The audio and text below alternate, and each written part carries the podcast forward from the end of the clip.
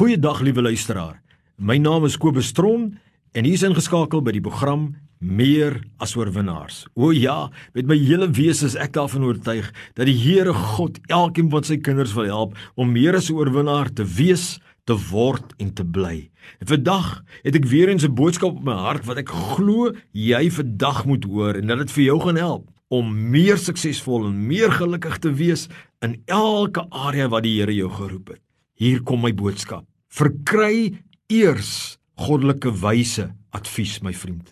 Verkry eers raad en advies van ander godgegrewe raadgewers, adviseurs, mentors, bedienaars voordat jy groot besluite neem. Voordat jy 'n nuwe strategie of 'n plan vasmaak en wil uitvoer, gaan eers en filter jou besluit. Gaan eers en filter jou strategie. Net soos iemand wat water wil suiwer, dat hy eers deur 'n filter gooi sodat die gesuiwerde water kan deurkom. So, voordat jy vasmaak 'n besluit, voordat jy oortuig raak en dit vasmaak, dis die besluit, ek gaan 'n huis koop. Ek gaan met haar trou.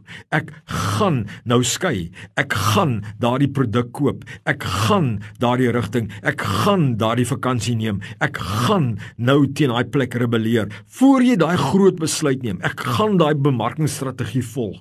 Voor jy dit doen, my vriend, voor jy dit doen, wil die Here hê en jy, hy wil hê jy moet dit hoor. Verkry eers raad.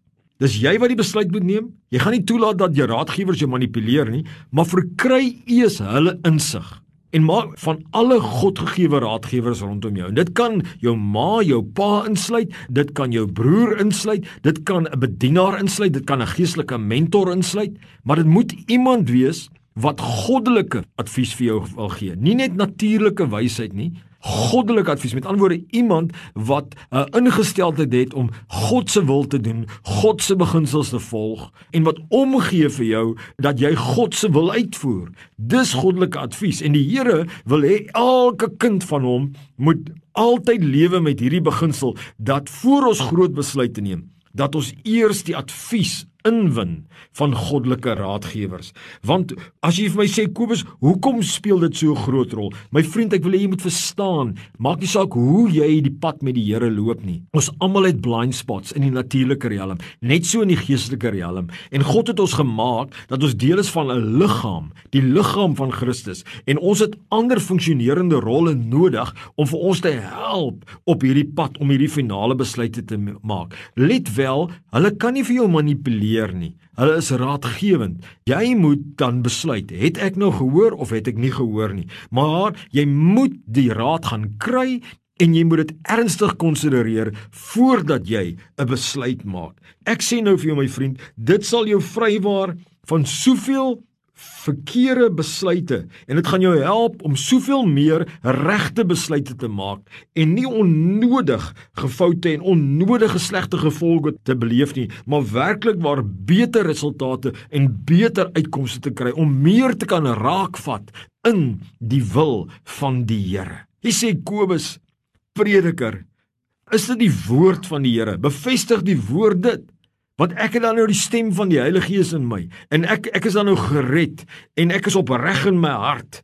My vriend, die woord van die Here spel dit duidelik uit.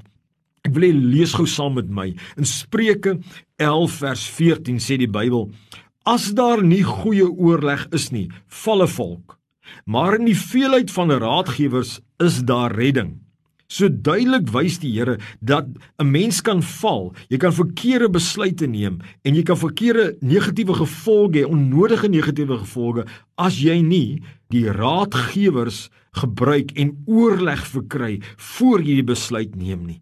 In Spreuke 20 vers 18 bevestig die woord ook dit sê die wyse koning Salomo hy sê planne of strategieë slaag wat op goeie raad gebaseer is. Met ander woorde, jy kan 'n goeie strategie kry, maar wanneer jy dit nou gefilter het, bou dit dat dit daai slaggate toemaak of verseker of jy die regte strategie het. Hy sê planne slaag. Met ander woorde, die uitvoering daarvan gaan baie meer suksesvol wees van jou planne as jy dit op goeie raad gebaseer het. Goddelike raad, wyse raad van mense wat die pad geloop het. In Spreuke 15 vers 22 sê die woord van die Here ook die volgende. Hy sê planne misluk. Net soos hy net eendag gesê het planne slaag, sê hy planne misluk sonder beraadslaging. Maar deur die veelheid van raadgewers kom dit tot stand. Met ander woorde, 'n suksesvolle uitkoms kom tot stand wanneer jy jou planne met beraadslaging kry. Maar wanneer dit sonder beraadslaging is, gaan dit misluk. So duidelik sê die woord van die Here dit. Ons kan dit mos nie ignoreer nie. En my vriend, dit help met 'n nederige hart want nou is jy accountable. Nou is jy aanspreeklik. Nou maak jy dit oop. Nou is jy nie op 'n eiland nie. Nou gebruik jy jy as jy 'n oog is, gebruik jy die ander oog. As jy 'n oor is, gebruik jy die ander oor. Of jy hoor die stem van iemand anders in die liggaam van die Here en dan gaan jy terug na jou hart toe en jy sê, Here, is dit in lyn met u wil wat ek nou gehoor het hierdie raad? Here, is dit in lyn met wat ek wat ek werklik nog steeds voel in my hart? En dan gaan toets jy dit. Maar die Here wil hê moenie daai besluite neem nie. Moenie die verkeerde besluite neem of moenie besluite groot besluite neem as jy nie eers goddelike raad gekry het nie. Gaan soek die oorleg, filter jou groot besluite. In Spreuke 24 vers 6 bevestig die Here ook dit. Hy sê: "Wanneer goeie oorleg kan jy voorspoedig oorlog voer en die oorwinning is deur die menigte van raadgewers." En die oorwinning is deur die menigte van raadgewers. Wow. Kom ek lees net gou weer vir jou hierdie vier verse. Luister gou aandagtig. Spreuke 11 vers 14. As daar nie goeie oorleg is nie, val 'n volk, maar in die veelheid van raadgewers is daar redding.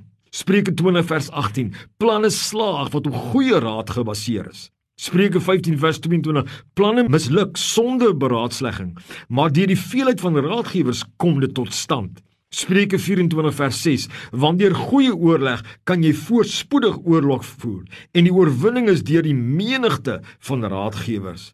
My vriend, weet jy hoeveel huwelike kon al gered gewees het en nie in die egskeidingshof geëindig het nie as mense net met tyds dit wat hulle voel hulle wil doen en sê en besluite wat hulle neem rondom hulle huwelik net eens bounce, net eers filter met 'n mentor, met 'n goddelike adviseur. Weet jy hoeveel mense kan net baie beter besluite neem met baie beter resultate as hulle net raadgewers ingekry het? Weet jy hoeveel strategieë kon net meer suksesvol uitgevoer geword het as daar net vele raadgewing was? Verkry eers goddelike en wyse advies, my vriend. Moenie oorhaastig wees nie. Die Bybel sê duidelik, hy wat wat in die geloof is, sal nie oorhaastig wees nie. Dink terug hoe die ou mense altyd vir ons gesê het, 'n hastige hond verbrand sy mond. En die Here wil hê wanneer jy groot rigtinggewende besluite neem, en kleiner is, maar wanneer jy van al wanneer jy groot is nie wat groot impak gaan hê in jou lewe, dat jy 'n nederigheid van hart dit gaan filter en dat jy leerbaar is en oopkop is en eers luister na wat hulle sê en dit weer terugvat na die Here en ken die Here in al jou weë, dan sal hy jou paaie vir jou gelyk maak. En vandag het ek so sterk werking in my hart dat jy, my vriend, hierdie woord moet hoor, want dit kan wees tot die redding van jou huwelik. Dit kan vermy dat jy 'n verkeerde transaksie deurgaan, dat jy verkeerd jou aandele belê. Luister asseblief en verkry eers goddelike advies voordat jy die besluit neem. Mag die Here jou help. Mag jy die wysheid van God volg Dag die Here byvoeg by jou die seënings en die goedheid van die Here in elke area van jou lewe. Amen.